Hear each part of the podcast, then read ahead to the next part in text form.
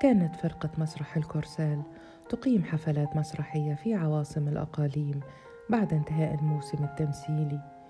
وأحيت الفرقة ثلاث ليالي في مدينة طنطا مثلت فيها هيام الدور الأول في ثلاث مسرحيات مشهورة. وحظي أهل طنطا بروعة أداء البريمادونا الحسناء هيام سعيد.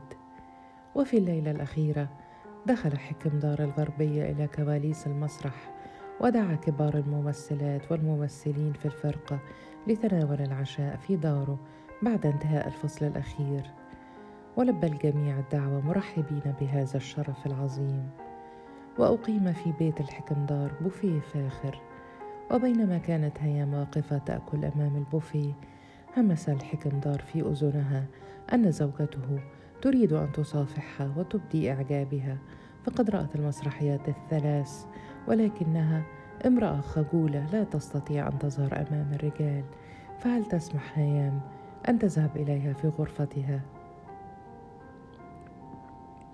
ورحبت هيام بمقابلة زوجة الحمد الحكمدار الكريم وصحبها الحكمدار إلى غرفة داخلية وفتح الباب ولكنها لم تجد زوجة الحكمدار وإنما وجدت رجلا.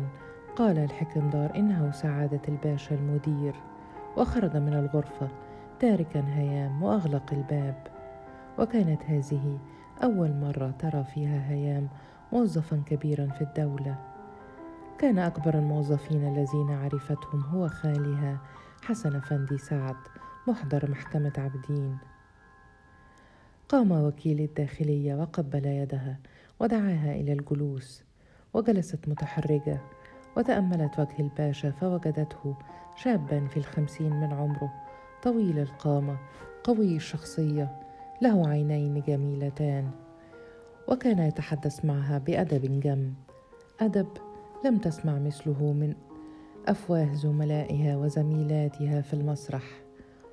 واكتشفت أنه لم يشهد مسرحياتها الثلاث في طنطا فقط بل أنه شاهد كل مسرحية ظهرت فيها حتى أدوارها الصغيرة يذكرها واذكر بعض كلمات منها. وقال لها إنه بقي الليلة في طنطا خصيصا ليشهدها وهي تمثل وراح يقارن بين أدوارها وكأنه خبير بالفن دارس لأصول المسرح وفن الإلقاء. ثم فاجأها بقوله إنه مفتون بتمثيلها وإنها هي المرة الأولى التي يحب المسرح في مصر وإنه تردد عدة مرات في أن يصعد إلى المسرح ويحييها ثم خطرت بباله هذه الطريقة الغريبة وهو يعتذر عما فعل. ولكن إعجابه بفنها غلب وقاره وغلب تقاليد منصبه وغلب ما طبع عليه من خجل وحياء. وتوقعت أن ينتهز وكيل الوزارة فرصة انفراده بها ويهجم عليها ويقبلها.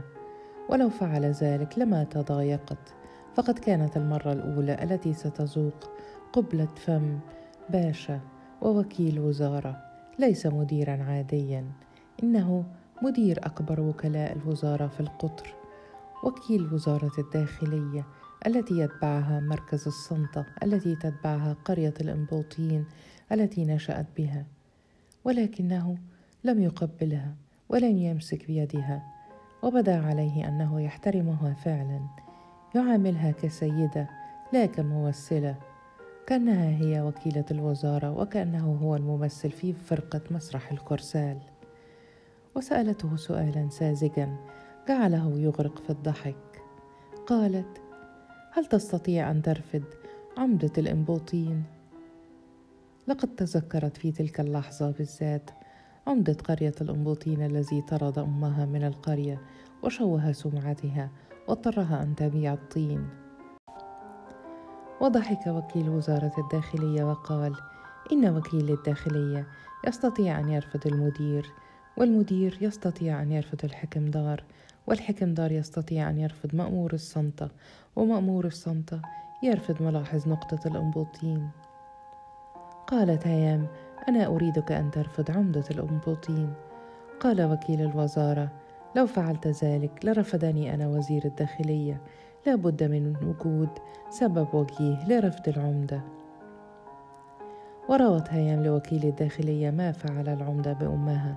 فقال وكيل الداخلية أحضري إلى مكتب المدير الساعة العاشرة صباح غد. لتري بنفسك ماذا سأفعل به.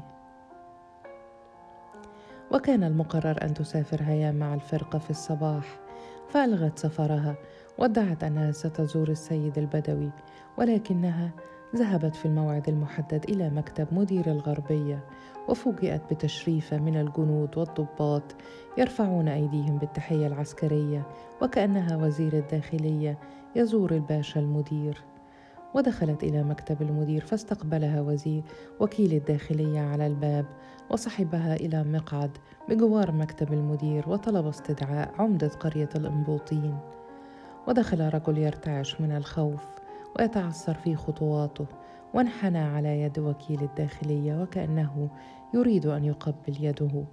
ولكن وكيل الداخلية دفعه بيده وسأله هل تذكر منذ اثنى عشر عاما أنك شوهت سمعة فلاحة اسمها أم الجارية. راودتها عن نفسها فلما أبت لوستها ظلما بالزفت والطين وطردتها من القرية هي وابنتها. قال العمدة وهو يتلعثم لا أعرف فلاحة اسمها أم الجارية. قال وكيل الداخلية إنها أرملة سعيد سليمان. أقسم العمدة لم يحدث. أنا لا أحارب الفلاحين الذين يخالفون أمر الحكومة. أنا لا أعرف أم الجارية ولا الجارية. قالت هيام أنا الجارية. بنت أم الجارية التي راودتها عن نفسها لما مات أبي. وتوهمت أن وتوهمت أن أمي أصبحت أضعف من أن تقاومك. فلما رفضت أن تخضع لرغباتك مزقت عرضها. ركع العمدة أمام هيام وقال أنا في عرضك. قالت هيام وهل تركت لنا عرضا؟ قال وكيل الداخلية هل تعرف من هي الجارية؟ وأجاب العمدة بصوت هامس لا أعرف والله العظيم. قال وكيل الداخلية إنها هيام سعيد كبيرة ممثلات مصر التي سيكون لها الفضل في إدخال اسم قرية الأنبوطين في التاريخ. قال العمدة متوسلا أنا خدمها ونظر وكيل الداخلية شزرا إلى العمدة وقال هل عندكم مكتب في دار العمودية؟ قال العمدة نعم قال وكيل الداخلية وهل المكتب لائق؟ قال العمدة لائق جدا يا سعادة الباشا قال وكيل الداخلية ضع صورة الجارية وراء مكتبك فوق رأسك وتساءل العمدة في هلع. بدل صورة جلالة الملك. قال العمدة وهو يتضاءل. سأضع صورة الجارية فوق رأسي في غرفة مكتبي. نظرت إليه هيام في احتقار وقالت لا أريد أن تضع صورتي فوق رأسك. ضع صورة أمي. حتى إذا سألك الناس من هذه السيدة تقول لهم إنها الفلاحة التي ظلمتها وخرج العمدة. يتعثر في خطواته. وشكرت هيام وكيل الداخلية وخرجت وأوصلها وكيل الوزارة إلى باب السلم وعاد إلى غرفة مدير الغربية. وسأله صديقه مدير الغربية هامسا هل أخذت موعدا من الآنسة هيام سعيد؟ قال وكيل الداخلية وهو يضع إصبعه على فمه. خس. إنها صاحبة معالي وزير الداخلية ولم يكن هذا صحيحا وإنما كان إشاعة أطلقها الأستاذ شكشك صاحب مجلة الوطواط بين أكاذيبه الأسبوعية. ولكن وكيل الوزارة عاش سنوات في قصة حب مع هيام سعيد إلى أن مات. وقالت هيام سعيد إن وكيل الوزارة جميل إبراهيم يحمل نفس اسم الولد جميل جارها الذي خفق قلبها بحبه لأول مرة وهي بنت صغيرة في قرية الأنبوطين.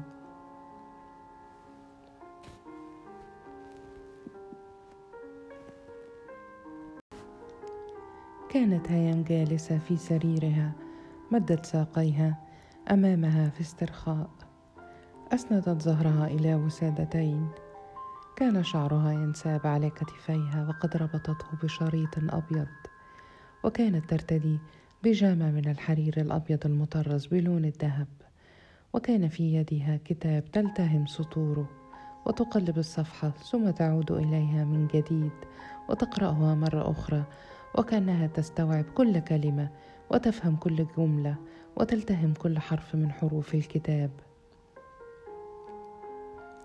كانت الشمس قد بدأت تتراجع من الغرفة وكأنها تتقهقر أمام جيوش الظلام التي بدأت تحتل المكان التي كانت تسيطر عليها أشعة الشمس. ولم تشعر هيام بالمعركة التي بين الشمس والظلام إلا بعد أن بدأت الكلمات تبهت في صفحات الكتاب.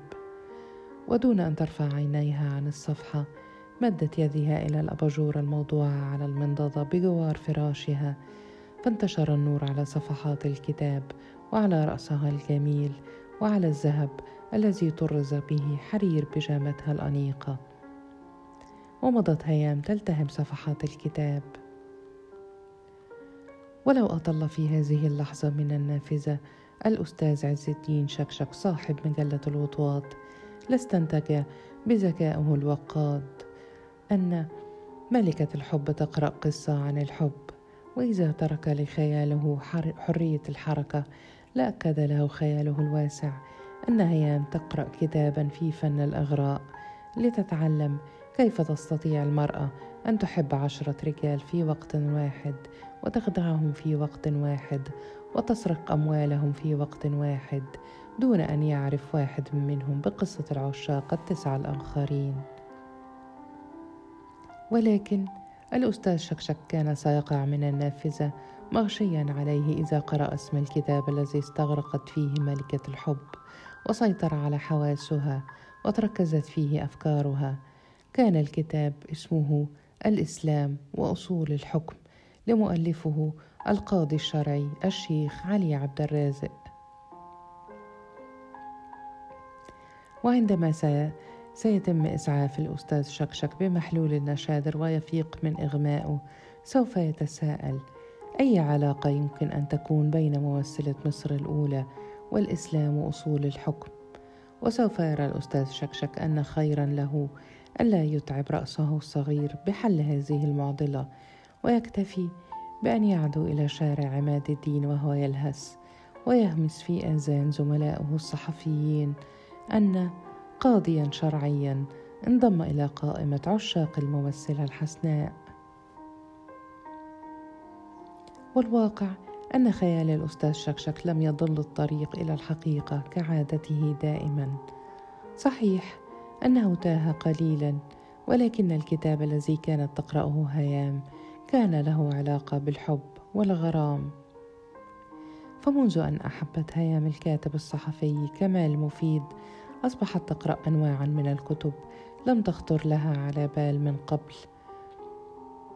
كانت قبل أن تعرفه تقرأ بعض الكتب عن المسرح الحديث والقديم وعن الإخراج, المسرحي وقرأت مسرحيات شكسبير وموليير ومسرحيتين لجورج برناند شو ولكنها الآن اتجهت إلى نوع جديد من الكتب والمؤلفات فالحب يغير المرأة الذكية يخلقها من جديد يجعلها تهتم بزينة روحها كاهتمامها بزينة جسدها. فكما تتعطر المرأة تلتقي الرجل الذي تحبه فإن المرأة الذكية تعطر أفكارها ومعلوماتها لحبيبها المثقف. إن اهتمامات حبيبها تصبح اهتماماتها لو أحبت عالما في الكيمياء فإنها تدرس الكيمياء لتقترب من الرجل الذي تحبه. لو أحبت مهندسا لعكفت على قراءة كتب في الهندسة لتفهمه أكثر. لو أحبت صحفيا قرأت عن الصحافة ومتاعبها ونجومها وانتصاراتها وهزائمها. حتى تعرف أن مداد الصحفي ليس دائما من الحبر وإنما هو غالبا من العرق والدم والدموع. ولو أن الحب اقتصر على القبلات لما عاش أكثر من الثواني التي تعيش فيها القبلة على الشفاه. فالقبلة كالنار تأكل نفسها إذا لم تجد ما تأكله. ولكن يبقى الحب مشتعلا يجب أن نعطيه. ولكي يبقى الحب مشتعلا يجب أن نعطيه وقودا أكثر من القبلات والضمات.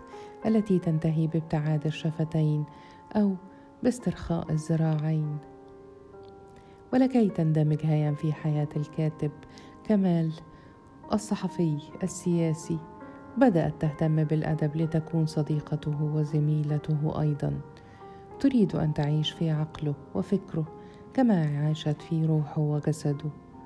وإذا كانت القبلة هي الشيء الوحيد الذي لا يقبل القسمة على اثنين فإن الانسجام الفكري بين العاشقين لا يقل لذة عن قبلة حارة ولا يقل نشوة عن عناق طويل. وهيام تريد أن يجد كمال كل شيء في دكانها. إذا أراد قبلة فهذه هي شفتاها. وإذا أراد حبا فهذا هو قلبها. وإذا أراد شهوة فهذا هو جسدها. أما إذا أراد فكرا فهذا هو رأسها. لا تريد أن يبحث كمال عن شيء يحتاج إليه فلا يجدها لا يجده في دكانها. وعندئذ سيخرج من دكانها ليبحث عن حاجته في دكان آخر. فالمرأة التي تعرف كيف تعشق تجعل من نفسها دكانا مثل ألف صنف يبيع لزبون واحد هو حبيبها. كل ما يبحث عنه يجده فيه ولا يجده عند سواها.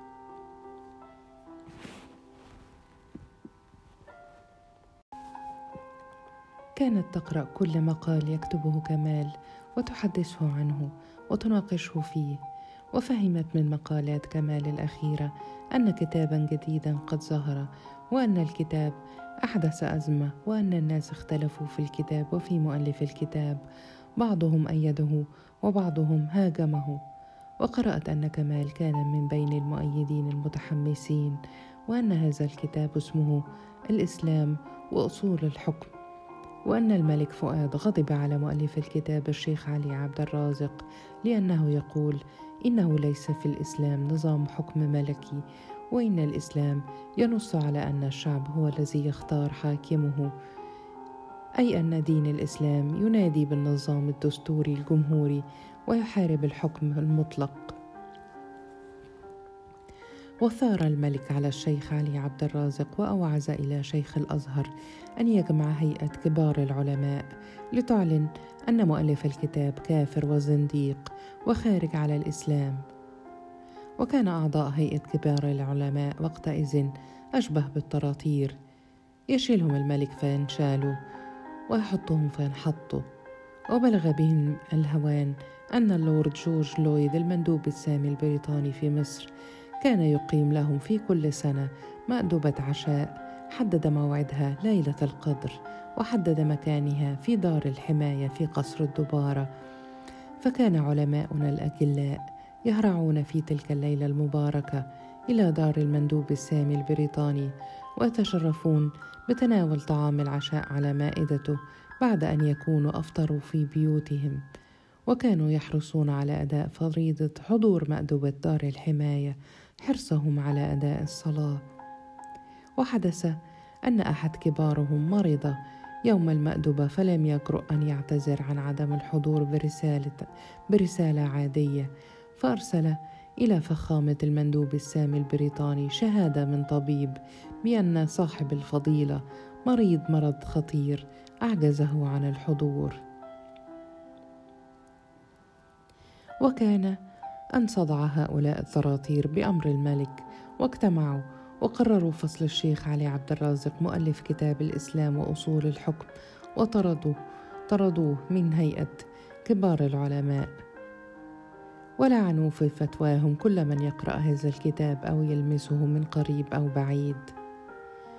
وما أعظم الفرق بين هؤلاء العلماء الطراطير وعلماء المسلمين والأزهر في تاريخ مصر الذين قاوموا كل احتلال وهاجموا كل طغيان وكان الأزهر دائما قلعة الوطنية وقلعة الإسلام. وضعف العلماء في فترة من التاريخ لا يمكن أن يقلل من المجد الذي حققه رجال دين آخرون قاموا برسالتهم خير قيام. وأرسل يحيى إبراهيم باشا رئيس الوزراء بالنيابة فتوى هيئة, هيئة كبار العلماء إلى عبد العزيز فهمي باشا وزير الحقانية أي وزير العدل.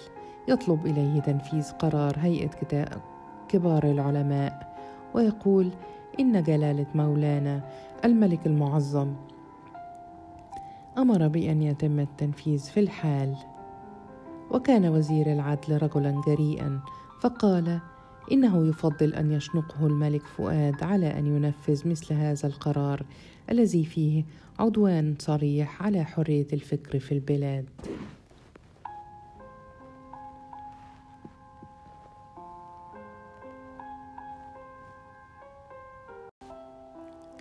وهاج الملك فؤاد على وزير العدل الشجاع وطلب إليه أن يستقيل فورا من الوزارة ورفض وزير العدل أن يستقيل فأصدر الملك فؤاد امرا ملكيا بإقالة وزير العدل. وكانت هذه أول مرة يقيل فيها الملك فؤاد منذ أن تولى عرش مصر وصار المفكرون على الملك واستقال ثلاثة وزراء من الوزارة احتجاجا على موقف الملك ضد حرية الفكر. اهتمت هيام لهذا السبب أن تقرأ الكتاب الذي أحدث هذه الأزمة والتي جعلت كمال ينتصر في مقالة يومية للكتاب ضد الملك وأرادت من هذه القراءة بإمعان أن تستعد للحديث مع كمال في الموضوع الذي يهمه. فلا يكفي أن تقف وراء الكاتب امرأة تحبه بل يجب أن تقف وراء الكاتب امرأة تحبه وتعانق فكره كما تعانق جسده.